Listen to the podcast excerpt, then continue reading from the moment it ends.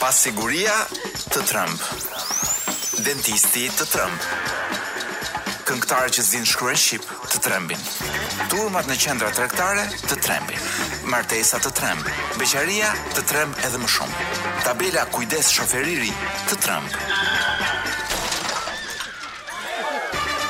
Çmimet e shtëpive të trembin, kredia të tremb. Po ky është një emision që nuk ju tremb. Sot nuk është e hënë.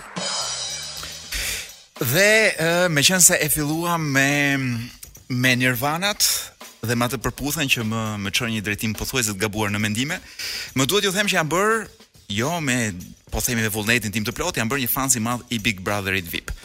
Ë sepse sa herë që shkoj ë tek dyqani ku blej ushqimet, e kam të nevojshme që të di diçka për Big Brother VIP në mënyrë që të komunikoj dhe të ndërtoj një marrëdhënie njerëzore me shitësen. Dhe nga ana tjetër është është një kuriozitet i kahershëm i imi të kuptoj kush janë VIP-at në Shqipëri. Dhe mënyra më e mirë për ta marrë vesh qenka duke parë Big Brother VIP.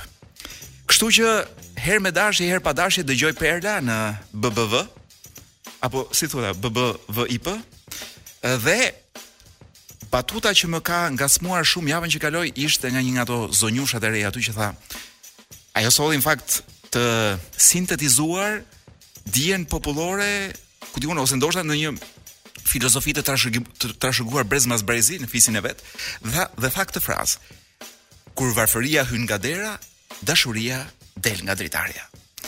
Pothuajse më ra të fikët.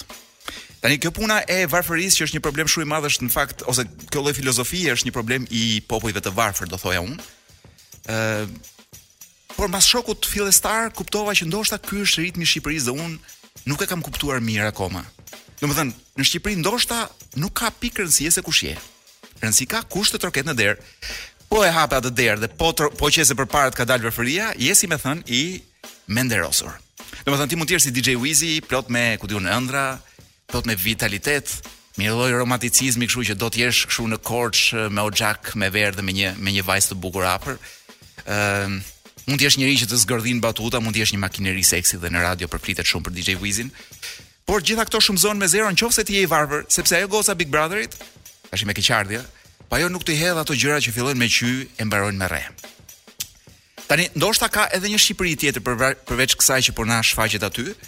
Ë ndoshta ka edhe një Shqipëri ku ku di unë, ku paraja nuk është gjë e rëndësishme ose virtyti numër 1. Po këtë Shqipëri nuk na e nxjerrin akoma në TV, ndoshta do vijë ndonjë ditë. Ë këta vipa që na përdhunojnë ekranet prej 20 vjetësh, këtë model na japin. Pra zyrtarisht në ekran, në Instagram, në Facebook, ky është ritmi i Shqipërisë. Po je i varfër je askushi. Po ke para, je gjithkush. Dhe pastaj vijmë pikën ku gjithë ato vajza që martohen me me këta njerëz shumë të pasur, mbasi sigurojnë paranë, fillojnë të kërkojnë këta çunat, këta DJ-t me batuta, seksi, ku di unë. Po, mbasi kanë siguruar një herë paratë.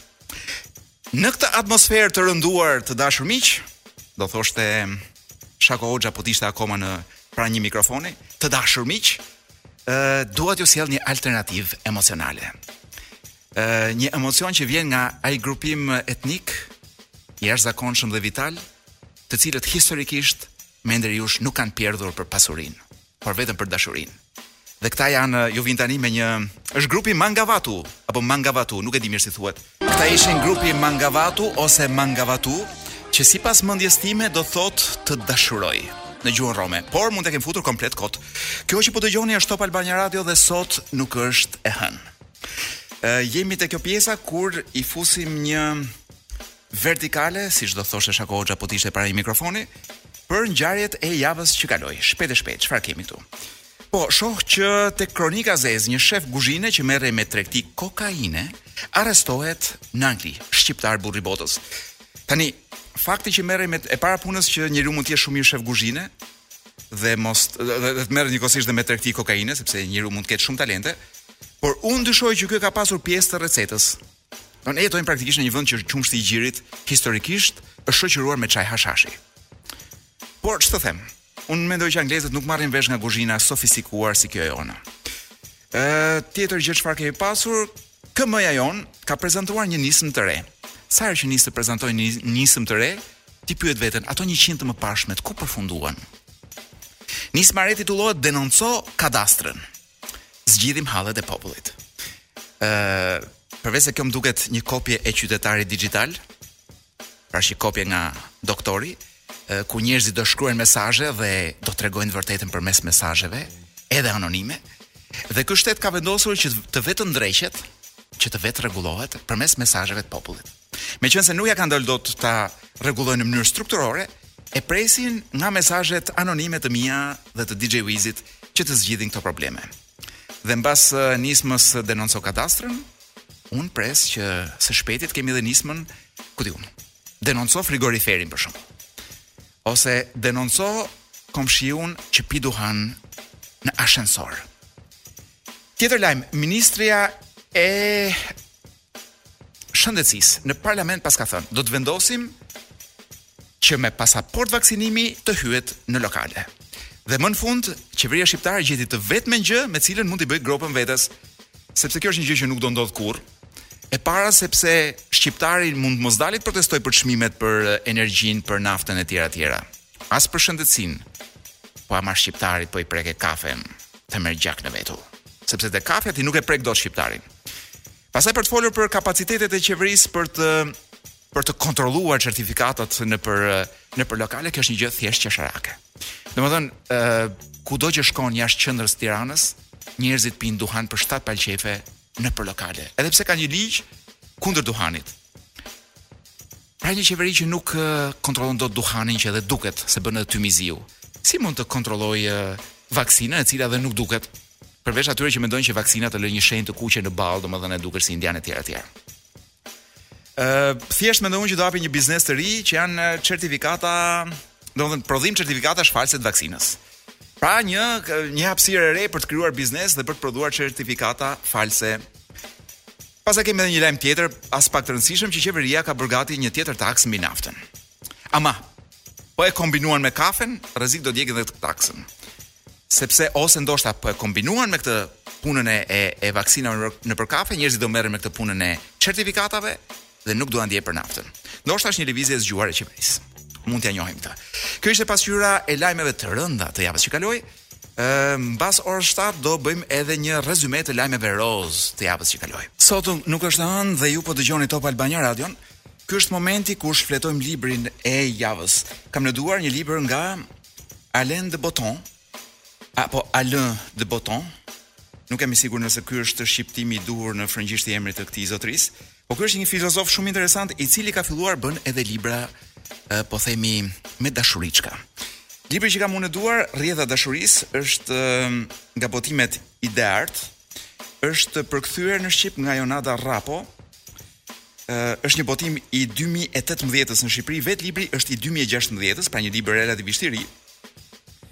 Dhe vetë libri ka një gjë shumë interesante.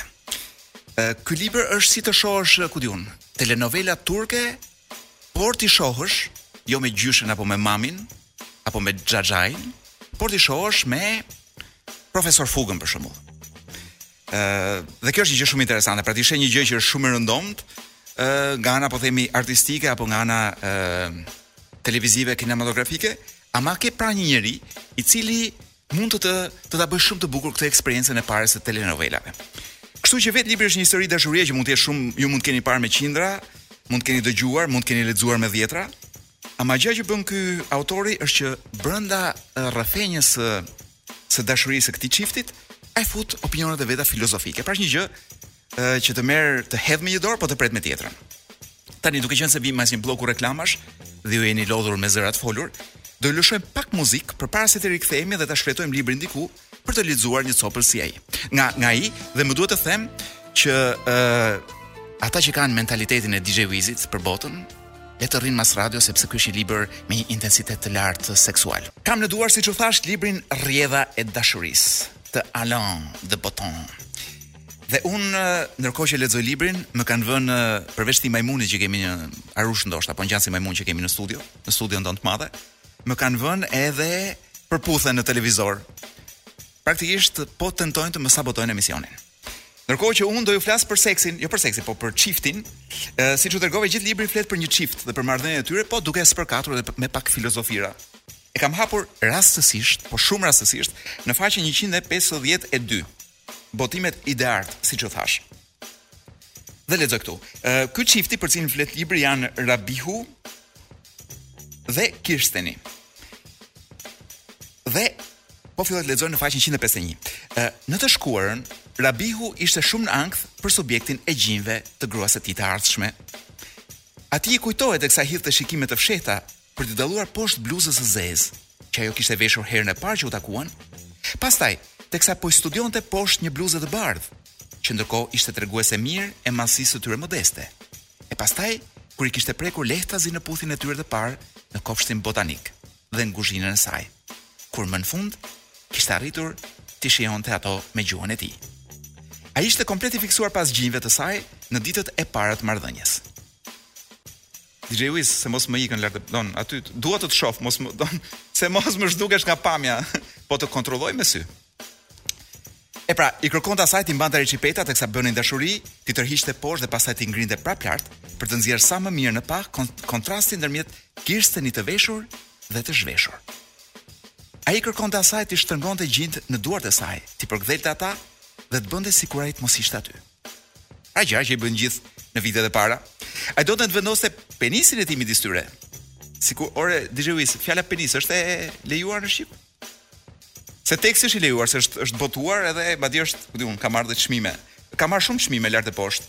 Ë uh, ka qenë dhe bestseller në The New York Times, ëh. Kështu që nuk është një penis, don një libër që flet për penisin do si do. Po ky është një moment don nga të pakta që flitet për seksin, po unë po e lexoj. Ai do donte të vendoste penisin e tij midis tyre sikur të mos mjaftonin më duart dhe sikur ky veprim të ishte një tregues më i fortë zotërimi mbi territorin që më parë kishte qenë tabu për të. E ndërkohë, pas disa vjetësh, ata janë të shtrirë pranë njëri-tjetrit në shtratin e tyre martesor dhe ndërmjet tyre ka po aq tension seksual sa ndërmjet një çifti gjyshësh të rreshkur që janë duke bërë banjë dielli në një plazh nudo në vendet baltike. Dhe këtu futet tani filozofi dhe ka një insert filozofik, thotë, eksitimi nuk ka aq shumë të bëjë me masën e lakuriqësis, ai lind dhe fiton energji nga mundësia e fitimit të lejes për të zotëruar tjetrin, që më parë ishte i dëshiruar dhe i ndaluar, dhe tani kaq mrekullisht i disponueshëm. është shprejhja e një mrekullimi mirënjohës, pothuaj mosbesues, Që në një botë izolimi Të shkëputur kyçet, shalët, llapa e veshit, kurba e qafës Janë të gjitha aty më në fund, pranë nesh Një koncept ky i jashtëzakonshëm Që na bën të kontrollojmë shpesh nëse është realitet Ndoshta dhe çdo disa orë Duke u prekur përsëri plot dëshirë Duke penetruar, zbuluar, zhveshur Kaq të vetmuar kemi qenë Dhe kaq të largët e të pavarur Na janë dukur të dashurit tanë Dëshira seksuale krijohet nga një dëshirim për të qenë afër, kështu pra që varet gjithmonë nga një ndjesi e një largësie të presupozuar për të cilën ne ndjejmë kënaqësi dhe një lloj lehtësimi ta ngushtojmë. Vazhdon historia e çiftit. Midis Rabihut dhe Kirstenit ka mbetur shumë pak largësi. Statusi i tyre ligjor i përcakton ata si partnerë të përjetshëm. Ata ndajnë një dhomë gjumi 3 me 4, flasin çdo ditë në telefon, Kur janë larg janë automatikisht shokët e njëri tjetrit gjatë fundjavës. Ata e dinë më parë dhe shumicën e kohës, gjatë ditës dhe natës, se çfarë është duke bërë tjetri. Nuk ka shumë gjëra në ekzistencën e tyre të përbashkët që të mund të cilësohen si tjetri, prandaj erotika nuk ka mundësi të krijojë një urë lidhjeje për t'i afruar ata edhe më shumë. Mund ta vazhdoni këtë pjesë se që nga un kam frikë se do po të vazhdoj lexoj më shumë do humbasim DJ Wizin. Mund t'i bjerë ndonjë atak paniku që zakonisht nuk u bie aty ku bie gjithë të tjerëve. Po i paralizon disa gjymtyrë të rëndësishme trupit që janë gishtat me cilat punon në konsol. E lam librin, do ta rimarrim javën tjetër sepse është diçka shumë e mirë për t'u pasur në shtëpi dhe për t'u lexuar në çift. Thonë që ky libër duhet lexuar me patjetër përpara se të martohesh. Por edhe pas 13 vjetësh martesë, unë mendoj që është gjithashtu shumë shumë interesant. Unë jam Koloreta Cukali dhe kjo është Top Albania Radio. Ju do thoni pse them dhe emrin. E them sepse do them një gjë shumë të rëndë me përgjegjësi të lartë politike. Në rrjetet tona sociale mund shihni foton e darkës së kryeministrit tonë me nja dy kryeministra të tjerë të Ballkanit edhe me presidentin serb. Dhe është shumë interesante të kuptosh se kush janë këta njerëzit me kryeministrin tonë në atë farë darke. Dhe po ja shpjegoj un se kush janë. Unë e kam foton përpara, ju e keni në rrjetet tona sociale, po edhe mund ta imagjinoni vet. Pra sigurisht që më i buzëqeshuri mes tyre është ky joni. Ja, kush e di ç'biseda të bukura kanë bërë këta. Është në të majtë të tij është kryeministri Malazez, s'kiç ka kryeministren serbe përballë ka presidentin serb, djathtas nuk e di se kë ka. Këta janë katër koka, ku di un. Katër koka, koka koka, domethënë kok kok kok kok. Kokesh, kjo tjetra. Është dhe një tjetër që nuk e njoh kush është. Dhe nga këta të katër që ka rrotull, po i marr me radhë. Ky përballë që është Vuçiç. Vuçiç ka thënë Dhe citoj siç e ka thënë fjalë për fjalë, po ja përsëris për herë të fundit. Krimi në Reçak ishte i fabrikuar. Kjo zonja ngjitur, që është kryeministresha serbe Brnabic, ka thënë ne po ne kemi të bëjmë këtu me njerëz, pra për shqiptarët e kishte, të cilët fjalë për fjalë kanë dalë nga pylli. Kurse ky tjetri që është ky Krivokapiçi që është kryeministri i Malit Zi ka thënë nuk do ta njoh kurrë Kosovën. Pra këta janë shokët e darkës së kryeministrit. Tani le të imagjinojmë se ç'janë duke folur. Ndoshta Rama për shembull imagjinoj që është duke u thënë që un jam, un isha me Sabianin, por tani po mendoj të bëhem me Ilirin. Ndërkohë që Vuçiç me siguri po i thotë që mezi po pres të futet uh, Muç Nano në Big Brother. Sepse don Muç Nano ka një kështu një një simpati kështu atë provokacion e vet për për këta burra të fortë. Uh, pra, me siguri janë duke bërë muhabete intelektuale në këtë tavolinë. Sepse nuk besoj se po flasin shumë për filozofi. Uh, në fund fare të kësaj darke sigurisht që Rama i thotë ta kam fal Durrësin po ti ç'do më falësh etj etj. Serbia ka dyqind vjet që kërkon daljen në det dhe ja ku ja dham. ë dhe ja ku ja falëm portin e Durrësit. A ka më bukur sepse si tha kryeministri në këtë vizi, vizitën e tij në Beograd, ë jemi, si me thënë, jemi e, popuj shumë të ngjashëm. Vetëm gjuha na dallon. nga njëri tjetri. Sepse njerëzit dhe zakonet janë të njëjta. I vetmi ndryshim është që ca nga këta njerëzit duan të asgjësojnë ca nga këta tjerë dhe gjuhën e këtyre të tjerëve, po kjo nuk ka pikë rëndësie për biznesmenët e e, e Ballkanit të hapur. DJ Wizi më thot boll me muhabete politike. Ë uh, ora është 7 e kusur, 7 e 9 minuta. Ua, sapo pash 3 nënta në ekran. 190909. Ë uh, dua t'ju flas për një këngë tjetër, meqense është mirë që ta marrim pak më qetë këtë orën e dytë të emisionit. Ë uh, dua t'ju flas për një grup që nuk është grup, është një person mbrapa një grupi dhe grupi quhet Black, i lindur në Liverpool dhe ka një një nga hitet uh, më të mëdha që është hit i vitit 87, mos gabohem por që është rikthyer vazhdimisht përdoret deri e kam dëgjuar deri para pak vitesh që përdoret dhe ripërdoret nëpër reklama. Ëh, Po gjëja e veçantë e kësaj kënge është që kënga në fakt është komplet e kundërta e emocionit që të jep. Kënga titullohet uh, Wonderful Life. Uh, grupi është Black. Uh, jam i bindur që e keni dëgjuar në një version ose një tjetër. Dhe në mos uh, e keni dëgjuar si këngë, e keni dëgjuar patjetër në reklama, më kujtohet që edhe uh, Air Dubai më duket e ka bërë uh, kolonë zanore uh, të një prej reklamave të veta. Gjëja që më habit është që kjo këngë në të vërtetë është një këngë shumë e trishtueshme. Pra, pavarësisht se thot jetë e mrekullueshme, ë komplet teksti i këngës flet për gjëra të tjera dhe gjithë gjëja është një ironi shumë e madhe. Ky autori i këngës thot ë kur flet për këngën e tij, ë un thot në atë kohë kisha pasur nja 2-3 përplasje me makinë. Nëna ime ishte e smur nga një smundje shumë e rëndë. më kishin pushuar nga kompania pra nga nga shtëpia e produksionit e e muzikës ku me, me cilën po punoja dhe mbi të gjitha martesa ime kishte marr fund. Dhe për t'i përmbledhur gjitha këto isha edhe pa shtëpi. Pra isha njeri, po themi, realisht ë një far rrugaçi po themi. U ula dhe shkruajta këtë këngë, të cilën me ironi e quajta Wonderful Life, jetë e mrekullueshme. Dhe shumë njerëz e këndojnë, dhe sigurisht një pjesë e madhe din vetëm këtë këtë togfjalëshin e titullit, por edhe e përdorin siç thash për tent, për të tentuar për të treguar apo për të të dhënë ndjesinë e një jete vërtet mrekullueshme. Kur kënga është shkruar në kushte shumë të rënda dhe ironia brenda këngës është shumë e madhe. Megjithatë, Ë një këngë e kënduar dhe rikënduar nga shumë grupe dhe muzikantë. Versioni që unë kam dëshirë t'ju propozoj është një version pak i dëgjuar. Është një duo, uh, Smith and Burrows e risjellin Wonderful Life për ju. Tekstet e hip hopit të trembin. Sot nuk është e hënë. Mua edhe shkollat nëntëvjeçare më trembin. Ëh, sepse po lexoja një lajm nga java e kaluar për një shkollë nëntëvjeçare në Shëngjergj, në Maliq të Korçës që nga kjo, ku mësokan 40 fëmijë dhe më duken shumë.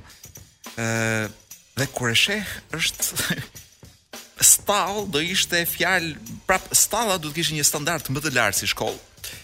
Ëm um, është një godinë mua më duket totalisht e braktisur dhe në lajm shkruhej që Prindërit janë të detyruar që fëmijëve t'u japin me vete edhe dru për ngrohje, pa folur për këto të tjera që nuk kanë një banjë, nuk kanë ujë, kanë shumë ftohtë etj etj. Kështu që ky është një lajm që nuk di t'ju them, domthon fëmijët që fëmijë që shkojnë me dru me vete në shkollë. ë dhe fraza druri ka dalë nga xheneti këtu nuk, si me thënë, nuk e kombinon dot. Sepse më përpara druri të priste në shkollë. Nga mësuesi ndoshta ose nga një më vonë pastaj nga prindërit etj etj. Kurse këtu shkohet me dru me vete. Nejse mirë që marrin dru sepse mund të kishin përfunduar duke djegur librat e matematikës. Jemi në fazën ku po, pra jemi në atë pjesë të emisionit ku themi lajmet e javës, një pjesë e lajmeve të javës që kaloi. Kemi edhe projektin e ri nga qeveria shqiptare që është një projekt që var, do unë kisha menduar që i kam parë të gjitha me këtë qeverisje dhe me këtë qeveri, por e kam menduar shumë gabim, sepse nuk pushon së më çudituri. Projekti i ri i kësaj qeverie është që të hap Akademinë e Çobenjve. Ë, tashi vetë kryeministri tha sot që ka akademi të tilla në gjithë botën, sigurisht ka, por kur sistemi shkollor funksionon dhe njerëzit kanë nevojë edhe për një, po themi një akademi më shumë. Por ne jetojmë kushtet kur në Shqipëri po mbyllet departamenti i filozofisë. Pra, Shqipëria mund të jetë ndoshta i vetmi shumë shpejt, për pak vjet, mund të jetë i vetmi vend në Europë pa një ë degë të filozofisë në universitet. Dhe ndoshta prandaj kryeministri ka menduar që filozofët nuk na duhen, por na duhen çobenjtë. Do ta zëvendësojmë me çobenj. Tani është e vështirë t'i shpjegosh kryeministrit në ato retë ku fluturon dhe imagjino që janë dhe re rozë madje që i shkojnë dhe me mjekrën e tij të bardhë. Ë është vështirë t'i shpjegosh që shpesh në Shqipëri njeriu nuk punon çoban nga pasioni, por shpesh është e vetmja zgjidhje që ka. Nganjëherë nuk ka mundësi për shkollë dhe mundësi është për çoban. Kështu që fakti që ti tenton ta bësh akademik, më duket një stërmundim i tepërt për mendjen e kryeministrit që e hallakat në të tilla tunele, sepse ata për të ikur për t'iu arratisur shkollës janë futur asaj pune. Nejse unë jam shumë kurioz të di kush e ka sjellë këtë ide brilante në në këtë qeveri, Uh, por një gjë e mirë, nëse arrin t'i bëjnë vërtet çobanët me akademi, ndoshta nuk do ta kenë problem më për të gjetur një grua. Që me sa di un për çobanët është pak e vështirë, njerëz që jetojnë në male, uh, jetojnë në kullota në pjesën më të madhe të vitit, larg grave, ë uh, dhe kush do donte të jepte grua një njeriu i cili gjysmën e vitit nuk është në shtëpi. Por tashmë kur ky të ketë edhe diplomë të lartë, master, PhD, nuk e di se çfarë do të jap kryeministri, mund të jetë më e kollajshme që të gjejë një grua. Por siç ndodh zakonisht në Shqipëri dhe po i akademizuam ë uh, çobenët, ah, në një vend gjithmonë që nuk i funksionon as Akademia e Shkencave, por mund të kemi një akademi funksionale shumë të mirë të çobenëve. Ë uh, këta me siguri do na i marrin vendet më të pasura dhe më të zhvilluara. Dhe këta do shkojnë të japin leksione në për tufat e bagëtive të Greqisë, të Italisë, ndoshta edhe të Zvicrës apo të Gjermanisë. Lajm tjetër nga java që kaloi, ë uh, BE-ja paska dhënë alarmin call center në Shqipëri Po zhvatin qytetarët tanë. Ky ishte një lajm që më rrënqethi, ta marrim vesh nga ka dal. Paska një letër e autoriteteve italiane, gjermane dhe disa vendeve nordike për call center-at tanë dhe po lëvizka madje edhe prokuroria. Unë mendoj që pas kaq shumë vitesh Kur këto vende na morën çunat tanë më të mirë dhe i detyruan të martohen me plaka europiane për letra, ose jo vetëm për letra, por edhe për kënaqësinë e plakave europiane, kjo është koha për të larë hesapet. Tashi ca çuna dhe goca të reja që këtej, po u marrin shpirtin plakave europiane duke u shitur, nuk e di çfarë i bëjnë, shesin gjëra që ndoshta janë të pashitshme. Dhe lajmi i fundit nuk është dhe aq roz, sherr mes grave në PD, kjo i tha asaj, ke uzurpuar lidhjen demokratike. E cila do të jetë etapa e radhës? Un po pres sherr mes pastrueseve në PD dhe ndoshta edhe një sherr mes adoleshentëve në PD. Kohëra interesante kanë ardhur. PD-ja në një fazë spastrimi masiv. Ë këto ishin lajmet pjesa e dytë e lajmeve të javës që kaloi, duke u endur kot më kot nëpër internet, vendosa të futem në një revistë grash. Jo thjesht grash, po mamash.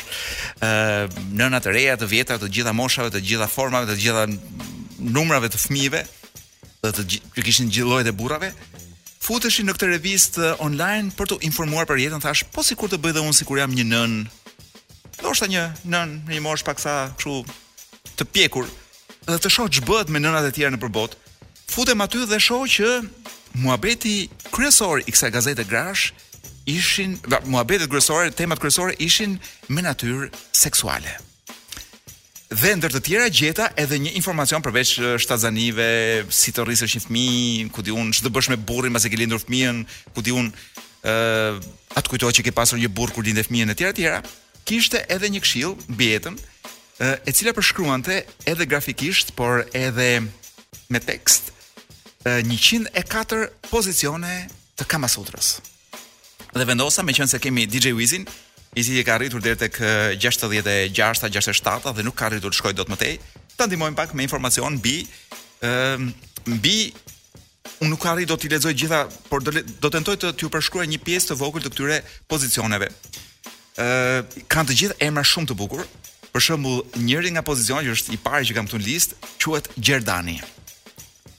Imagjinoni Gjerdan Shaqirin po shumë të relaksuar dhe aspak nervoz, i cili duket sikur sikur është në pishinë në këtë pozicion këtu dhe sikur po i jep asaj zonjës së vet një mundësi që të të shijojë një po themi një ë uh, llokoçitje në pishinë në një pasdite vere do thoja unë. Kemi një pozicion tjetër që është një pozicion shumë i rrezikshëm, me sa po shoh. Është titullohet Ura dhe i ngjan urës së tabakëve, ku burri bëhet si ura e tabakëve dhe sipër është ai pastruesi që ku di unë që ose ai pastruesi, ajo zonja që pastron dhe fshin urën e tabakëve dhe po kalon aty sipër. Një pozicion më duket mua shumë i vështirë, do dashka kur thotë DJ Wizi do si me thënë do zemër për ta përballuar dhe sidomos nuk është për ata meshkuj që nuk janë shumë fleksibël nga trupi. Pra kërkon fleksibilitet. Ë kemi këtë mbërthimin, kemi edhe një pozicion që më pëlqeu shumë sepse është është për dembelët. Ë titullohet, pra emri i pozicionit është Mrekullia e pasdites. dhe është një lloj pra marrëdhënia seksuale këtu mund të kryhet pothuajse duke fjetur gjumë. Pra ti edhe burri edhe mund të flerë gjumë dhe zonja nuk ka për zotria mund të flerë gjumë dhe zonja mund edhe të mos e kuptojë që kjo gjë po ndodh. Mund të bëhet nga të gjithë, është shumë i thjeshtë, por dhe shumë i këndshëm siç thuhet këtu. Kemi kalorësin, kemi edhe një që mund t'ju interesojë që është ai i shqiponjës. I ngjan pak shqiponjës tonë, jo kësaj të flamurit, as asaj që bëjnë futbollistët, po i ngjan pak asaj asaj shqiponjës që që rrëzuan atje tek sheshi shqiponja me ë me me çfarë e rrëzuan atë me me me me ku di unë çfarë me çfarë e rrëzuan atë DJ Wiz. Diagaç çfarë dërguan atje për ta rrëzuar gjithë atë shqiponjë. Ë Është me sa duket, është një pozicion i cili i jep mundësi zonjës që të të ndjehet sikur po fluturon. Kemi pozicionin e vizitorit, të bën të ndihesh sikur hyre, trokite, dole, mirupafshim. Simpatik shumë dhe ky. Rrëshkitja, mbërthimi është një tominagi që s'e kuptoj se çfarë është. Është topi i ulur, po topin e ulur nuk arrij dot ta shpjegoj dot në radio, por mund të tentoj t'ju shpjegoj pozicionin e ëngjëllit kaçurrels. Ëngjëlli kaçurrels është pak a shumë kur kur dikush ka kaçurrela, fut gishtin te pa kaçurrela dhe rrotullon vazhdimisht.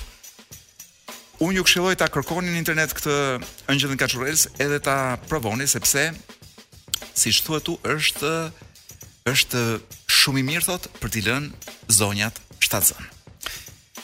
Kemi juniperin që shkëlqen.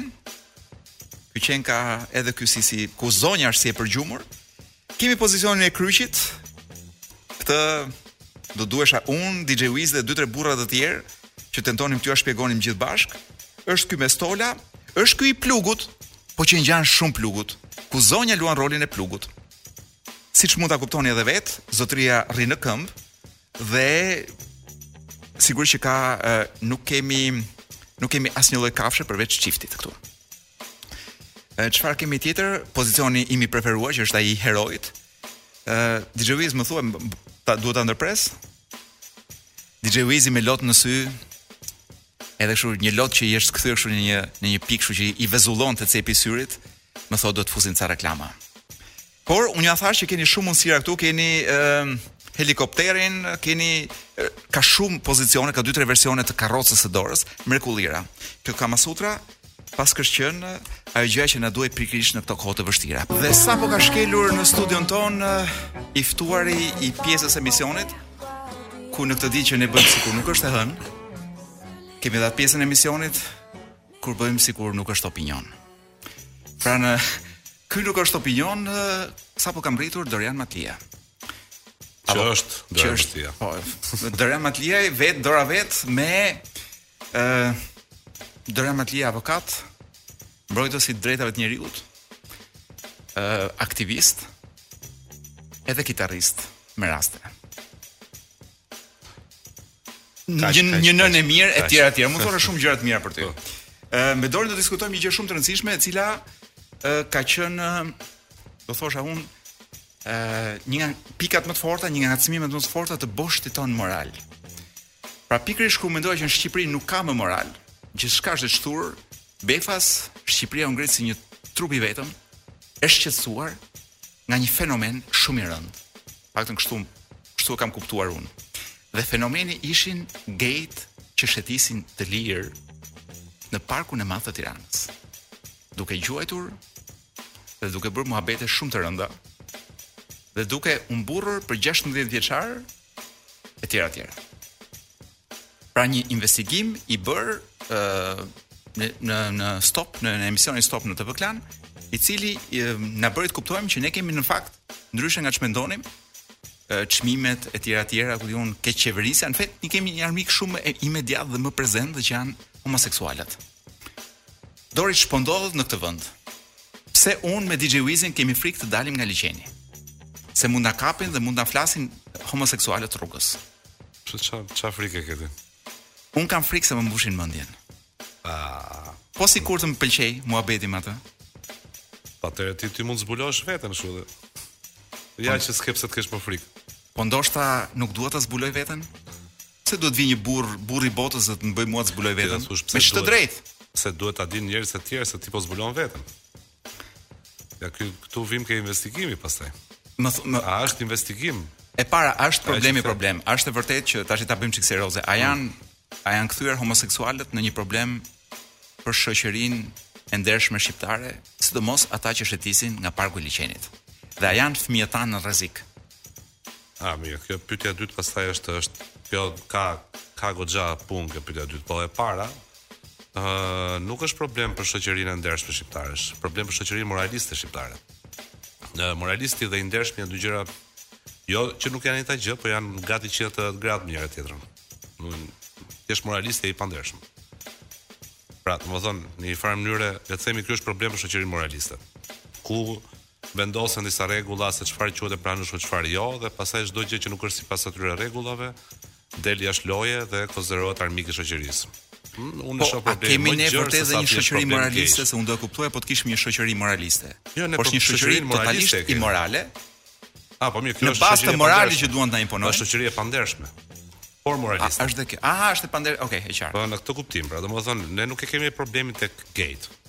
ç'është e vërteta. Domethënë ne kemi problemin që çfarë do dukemi ne se jemi. Jo se se gejt fundi fundit kanë punën e vet apo jo. Jo, në edhe edhe në qoftë se vjen dhe na prekin kalamajt, në qoftë se unë nxjerr DJ pra, Wizin. Kjo puna kalamajve pas xhiro nga liqeni dhe vjen një gay aty dhe ma dhe ma josh. Aha. Po kjo është shumë. Po, po kjo tu s'kemi të bëjmë me gay, tu kemi të bëjmë me pedofil pastaj. Deri tash nuk di, unë nuk kam parë në një emision investigativ të jetë marrë me çështje të problemeve të të miturve te liqeni. Nuk kam parë.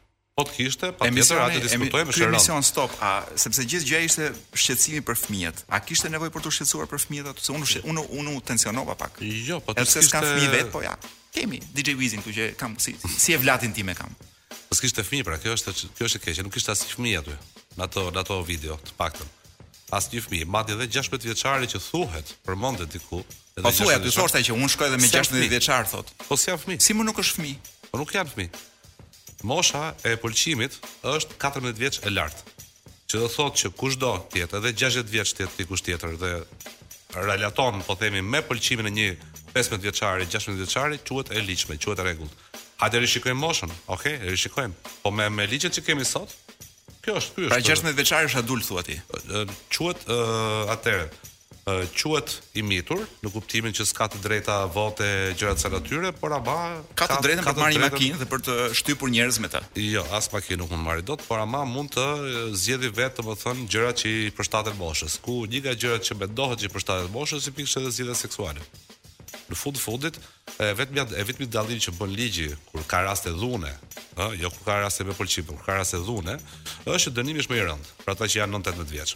Pastaj nën 14, atëherë konsiderohet pedofili, e Dori, cila nuk ma pastaj mbush është dot shumë e mendjen tepër e sepse rëndë. për ne fëmija është fëmijë, sepse përderisa ne jetojmë me prindin deri në 35 vjeç, A, ah, mirë, ne, ne i kemi fëmijë deri në 35 vjeç. Bukur, hajt ta bëjmë atëherë nga 35 vjeç. Kështu që homoseksualët që ngacmojnë 16, 20 apo 30 vjeç, po, po ngacmojnë fëmijët tanë. Mhm. Mm e, e themi këtë neve që kemi pasur mbret në 30 vjeç, president, jo fal kryeministër 30 vjeç, po dakord, okay. Nuk ka, domethënë kjo problemi i moshës, unë nuk pashë një problem moshe atje tek tek ai emision. Te investigimi nuk ka tek ajo pra, pjesë që pamë ne të paktën, se mund të ketë gjëra që s'i kemi parë. Mund të ketë gjëra që s'i kemi parë, ato do ishin shqetësuese me me të vërtet, po në emër të kësaj gjës që thjesht ekziston kështu si narrativ që mund të ekzistojë, por që nuk është nuk është në emision, nuk mund të shitet diçka tjetër sikur është rasti i rrezikut ndaj të miturve. Aty është thjesht një një vend ku kanë gjetë vendin, le të themi, ca njerëz të takohen me njëri tjetrin për qejfet e veta. Pikë.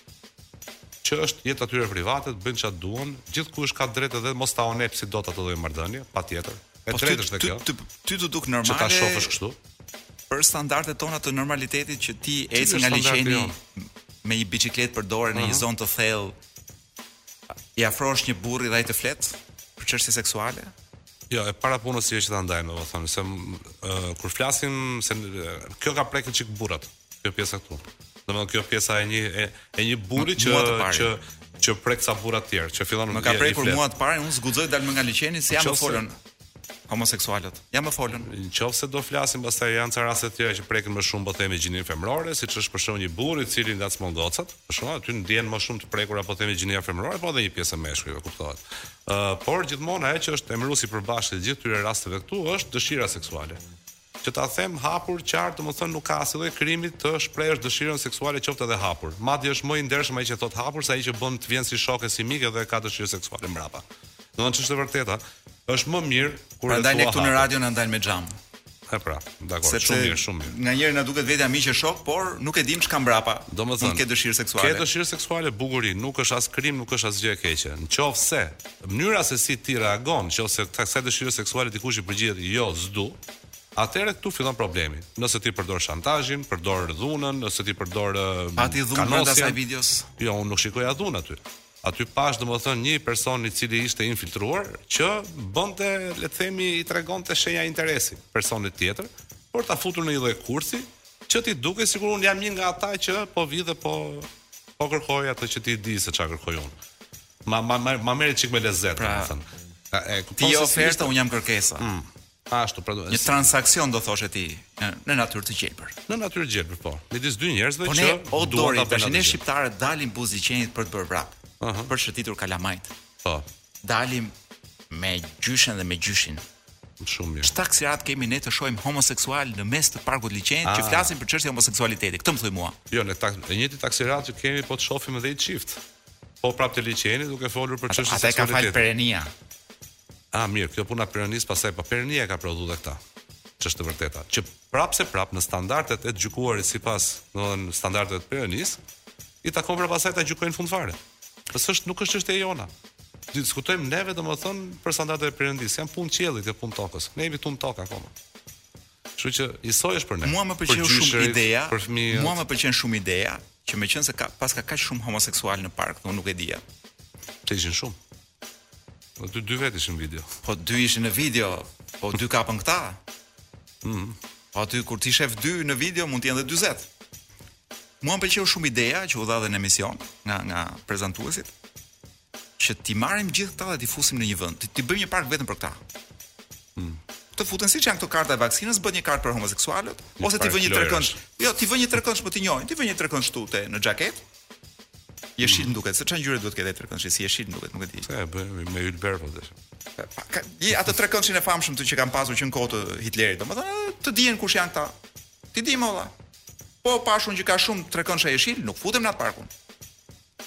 T'i izolojmë atje? Se ti ke parku hyn domethënë me idenë që këtu ka edhe ftesa për seks. Se nuk e përballon dot një ftesë për seks? Nuk i thua dot jo?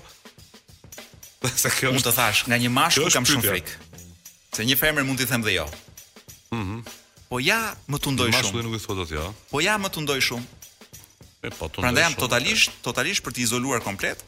Që mos tundojnë njerëzit. Po. Edhe t'i vënë gjithë nga Të njihen, t'i dimë kush janë. Domethënë, ti thua që kishte drejt ai që thoshte që edhe po s'ishe do bëhesh, ë? Se ishte një pasazh i tillë në video. Është shumë e vërtetë Dori. Pra gjithë ne burrat e Shqipërisë kemi shumë frikë që po na foli një homoseksual, mund na konvertojë. Jo se duam. Hmm. Se hajde me një herë, dy herë, po me tre herë bëhesh. Tashi me rrezik është ajo punë. Pse duhet që ky shtet të na vërë në këtë lloj rreziku neve. Këtë më thuaj. Në rreziku për çfarë? Pse mos na mbrojnë nga rreziku që të na bëjnë homoseksual. Kam dëgjuar që është dhe ngjitse. Është ngjitse. Po. Ngjitet po ndenje mbi 1 metër afër. Po mirë, dhe pa po, maskë. Po standardet e tjera seksualiteti. Për shembull poligamia është ngjitse. Tashi poligamia është fat. Dikush e ka atë fat, dikush s'e ka. Se unë jam pro edhe edhe marrëdhënie poligame kështu në. Unë dikur kam qenë, por nuk e kisha, nuk e pata atë fat. Më dha perëndia një. Unë kisha thënë 2-3. Një më dha. Ëh. Mm. Kur thot, kur thonë të vjetrit një copë grua më dha. Dori më rri tek tek ngjarja që kemi. Ëh.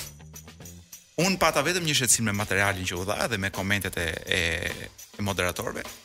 Dhe shqetësimi im ishte që ata u bënë thirrje çunave të rrugës e, Bardhyl. Bardhyl Po, i kam komshi. Çuna për pogrom, pra për që të shkojnë të marrin kmesat, sëpatat, sfurqet e ku di unë se ça kanë atje domethënë. Dhe të shkojnë dhe të bëjnë një spastrim të zonës dhe të heqin homoseksualët dhe jam shumë dakord me këtë. Unë kam vetëm një shqetësim. Hmm. Po pse mo vlla? Po çunat e Kombinatit janë më të dobët se këta. Pse duhet t'i bësh? Pse duhet? Pse duhet të diskriminosh mes rrugëve të ndryshme të Tiranës? Mirë, do mund. Çfarë do thosh ata janë më të fortë se çunat e Laprakës? Mund bëhet po, mund të bëhet fushata apo çunat e Kamzës? Fusha, fushata e Arian Çanit. E ke parasysh? Çdo javë ndalon diku. Sot është java e Ali Demit, ë. Dori ta flasim seriozisht. Ë çfarë do ndodhte në qoftë se në një vend nuk po shkojnë në Amerikë, po një vend si Gjermania, meqenëse Gjermania është destinacioni jonë si komb, pra ne duket atje shkojmë të emigrojmë. Çfarë do ndodhte nëse në një emision televiziv dy moderatorë i bëjnë thirrje publikut ose disa, po themi si Don Trumpi vetëm një llaf tha për ata Proud Bo Proud Boys. Tha vetëm uh, uh, stand down and stand by. Dhe kjo u interpretua sikur ai po fton një turmë naziskinësh. Hm. Domethënë që të bëjnë spastrime ku di unë etj etj. Ë çfarë do ndodhte në një vend si Gjermania, në qoftë se të ftuarit i bëjnë thirrje një grupimi ose disa të fortëve që vrasin njëri tjetrin dhe i thotë bëni pushim një javë nga vrasjet, po shkoni dhe masakroni pak homoseksualët e parkut. Se unë kështu e kuptova, dhe më bëhej zemra mal se. Brenda e kisha, po s'kam guxuar kurrë ta them publikisht. Po po t' ishte thënë në Gjermani kjo, çfarë do ndodhte? Çfarë do ndodhte? Me shoqërinë gjermane që ne duam ta kopjojmë. Me liderët gjermanë të politikës që ne i kemi më të mirë këta. I kemi po. I kemi zili domethënë. Edhe me në mediat gjermane çfarë do ndodhte thua ti? Do ndodhte së pari që edhe para domethënë nuk besoj se do ndodhte një thirrje e tillë, po e zëmë se do ndodhte. Kur të ndodhte, do ishte patjetër një ent rregullator që merret me këtë punë, do i vendoste fre këtij emisioni, Do detyrohej media të bënte ndonjë falje publike, por, por, çështja është që mund të shkonte deri edhe në ndjekje penale. Sepse faktikisht, ë gjuha e urrejtjes është një gjë. Mund të ketë edhe një kështu sanksion administrativ, mund të marrësh edhe një gjobë për këtë gjënë këtu.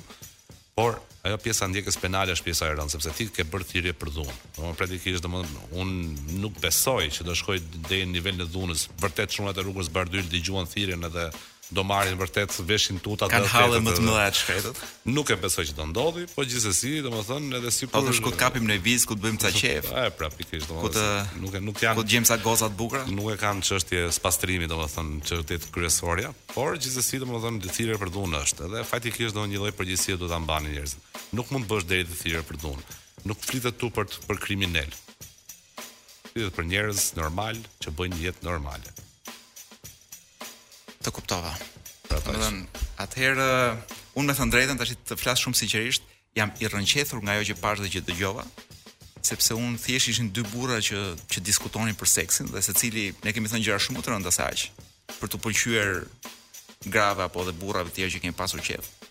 Jemi mburrur me gjëra shumë të mëdha. Është shqiptari është ai që thotë që ej, un po shkoj me Klaudia Shiferin, pra kjo është dëshira jonë për t'u mburrur. Po ishin thjesht dy burra që bënin muhabet për për seks. Po, jo, atë ajo mund të jetë e shpifur për për gustot personale të kujtdo. Çështja është që është e drejta e tyre më është, është jeta e tyre në fund të fundit. Domethënë aty nuk ishte Desh Zoti nuk na incizoi mua me Uizin me muhabetet që bëjmë, se bëjmë ca muhabete shumë më të rënda se aq. Dhe nuk na e nxjerrin që këndi, se na morën në qafë. Domthon nuk do nuk do dalim dot në rrugë. Nuk do dalim dot nga liqeni. Sidomos për ty, sidomos. Dori do kisha dashur të rrija më gjatë në këtë temë, po un them që ato pikat kryesore i, i sqaruam. Ë uh, makthe tona se mos bëhemi homoseksualë thamë, Do nuk ndoshta nuk do çlirohemi dot nga këto makthe, po unë e kam frikën se mos bëhem homoseksual e kam si gjithë shqiptarët. Por do ta shplajm gjithë këtë bisedë me një me një këngë shumë uh, jo moraliste. Ky është, a, apo s'kemi as këngë? Kemi këngë më? Spa, ua, s'kemi as këngë. Do ta dëgjojmë javën tjetër në hapje të emisionit këtë këngën që nuk po dëgjojmë dot tani, sepse kemi një blok të shkurtër publicitar, pastaj lajme dhe gjëra të tjera. Me Dorin shpresoj të ritakohemi në opinionin në në jo opinionin e javës së ardhshme.